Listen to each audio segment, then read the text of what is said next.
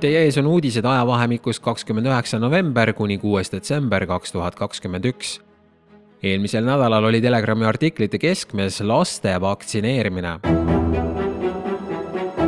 Taiwan peatas kaheteist kuni seitsmeteistaastaste laste vaktsineerimise Pfizeri teise doosiga südamelihase põletiku riski tõttu samal ajal kui Taiwan on teatanud, et alla kaheteistaastastele lastele mõeldud koroonavaktsiinide heakskiitmist ei kaaluta enne, kui on põhjalikult uuritud Pfizeri teise doosiga vaktsineerimisel tekkinud südamepõletike juhtumeid, valmistutakse Eestis agaralt viie kuni üheteistaastaste laste koroonavaktsiiniga süstimiseks. Euroopa Ravimiamet on andnud sellele rohelise tule ja vaktsiinimaffia Eestis hõõrub muidugi käsi Eestis võib hakata vähemalt viieaastaseid lapsi koroona vastu vaktsineerima. kui ka Rootsis ei kiirustata kohe lapsi vaktsineerima ja kaalutakse põhjalikult vaktsineerimise kasusid ja riske lapsele, siis lapse suu Irja Lutsar teatab uljalt, et kuigi uuringuid pole, tuleb vaktsineerida niisiis, kas te soovitate kõiki mudilasi vaktsineerida või võib näiteks sellised muidu terved lapsed jätta vaktsineerimata? Meie soovitame ikkagi kõigile, et me ei oska praegu, me tõesti ei, ei, praegu ei ole ühtegi, ühtegi, ühtegi kriteeriumit või ühtegi uuringut selle kohta, et keda, keda see koroonaviirus ohustab ja keda see väga raskelt ohustab. keegi ei tea, kuidas see töötab, aga kõik peavad vaktsineerima. kas me laseme sellel juhtuda? Saksamaalt on teada, et juba viis last on pärast koroona vastu vaktsineerimist surnud kahel järgneval neljapäeval toimub pikett koroonapiirangute ja laste vaktsineerimise vastu. teisel detsembril valitsushoone ees toimunud piketil, kus osales paarsada inimest, toetati Mem Cafe tegevust ja nõuti apartheidi lõpetamist. muide, mitmed politseinikud andsid kohviku juures vestluses teada, et see on nende jaoks viimane piir ja veel rangemate koroonameetmete pealesurumisel nemad enam rahva vastu seista ei suuda SAPT korraldab Stenbocki maja ees ka kahel järgneval neljapäeval ehk üheksandal ja kuueteistkümnendal detsembril algusega kell üheksa kolmkümmend piketi, et väljendada protesti põhjendamatute koroonapiirangute ja lastele massiliselt neile mittevajaliku koroonavaktsiini süstimise vastu. huvitav on kogu MEM saaga juures muidugi asjaolu, et Elvis Braueri ja tema kohviku terroriseerimise teeb võimalikuks NETS-seadus, mille ellukutsumisel ja loomisel mängis rolli ka EKRE, kes nüüd nagu üks mees Elvise selja taga seista lubas. kas valijatel on taas kord kalamälu? Valitsus hakkab NETS-i muutma pikaajalisele pandeemiale sobivaks. tervise- ja tööminister Tanel Kiik ütles, et valitsus soovib muuta nakkushaiguste ennetamise ja tõrje seadust nii, et üldkorralduste asemele saab peamiseks meetmete kehtestamiseks hoovaks valitsuse määrus nii õiguskantsler, juristid kui ka hiljuti riigikohtunik Ivo Pilving on öelnud, et valitsus kasutab koroonakriisis piirangute kehtestamiseks mõeldud üldkorraldusi liiga laiaulatuslikult Kiik rõhutas, et eesmärk ei ole valitsuse ja Terviseameti rollide ümbervaatamine, vaid selgema õigusliku aluse loomine pikaajaliseks pandeemiaks. me juba teame, et pandeemia saab olema väga pikaajaline ja seetõttu on vaja valitsuse kõiki otsuseid veel raudsema rusikaga peale suruda.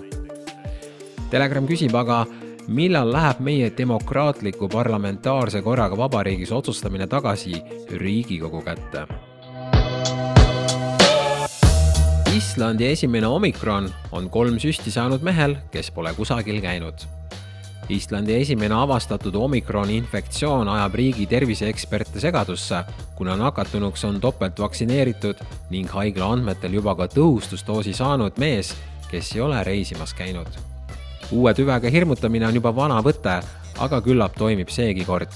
Sest nii head raha teenimise vahendid kui koroona pandeemia ei saa ju lihtsalt käest ära anda.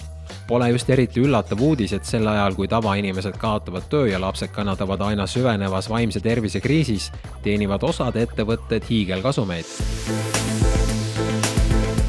Synlabi kasum kerkis testimise tõttu viis korda, viie koma seitsmelt miljonilt eurolt kahekümne üheksa koma seitsme miljoni euroni ülemaailmne koroonaviiruse pettus ja sellega kaasnenud piirangud lõid paljudel ettevõtetel jalad alt, kuid laboriteenust pakkuv Synlab kasvatas just pandeemia tõttu kasumit viis korda.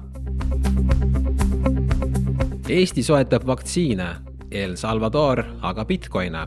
samal ajal kui Eesti mängib lolli olematu pandeemiaga ja otsib vahendeid lisapiirangute teostamiseks, vaktsiinikampaania laiendamiseks ja kiirtestide soetamiseks, sai septembris El Salvadorist esimene riik maailmas, kes võttis Bitcoini kasutusele seadusliku maksevahendina varaklassina on Bitcoin ja krüptoraha kogumas üha suurenevat huvi nii tavainimeste, institutsioonide ja nüüd ka valitsuste seas, sest erinevalt laialt kasutusel olevast fiat rahast krüptoväärtus aja jooksul ei lange, sest seda ei saa õhust juurde luua. Kui sind paneb vahel imestama, et miks poes hinnad tõusevad, siis võta teadmiseks, et alates koroonast möödunud aasta kevadel on õhust juurde loodud triljoneid dollareid, mis on tekitanud erakordselt suure inflatsiooni Bitcoinide maksimumkogus saab olema ainult kakskümmend üks miljonit, millest enamus on juba ringluses. see tähendab, et maailmas on rohkem miljonäre kui Bitcoine.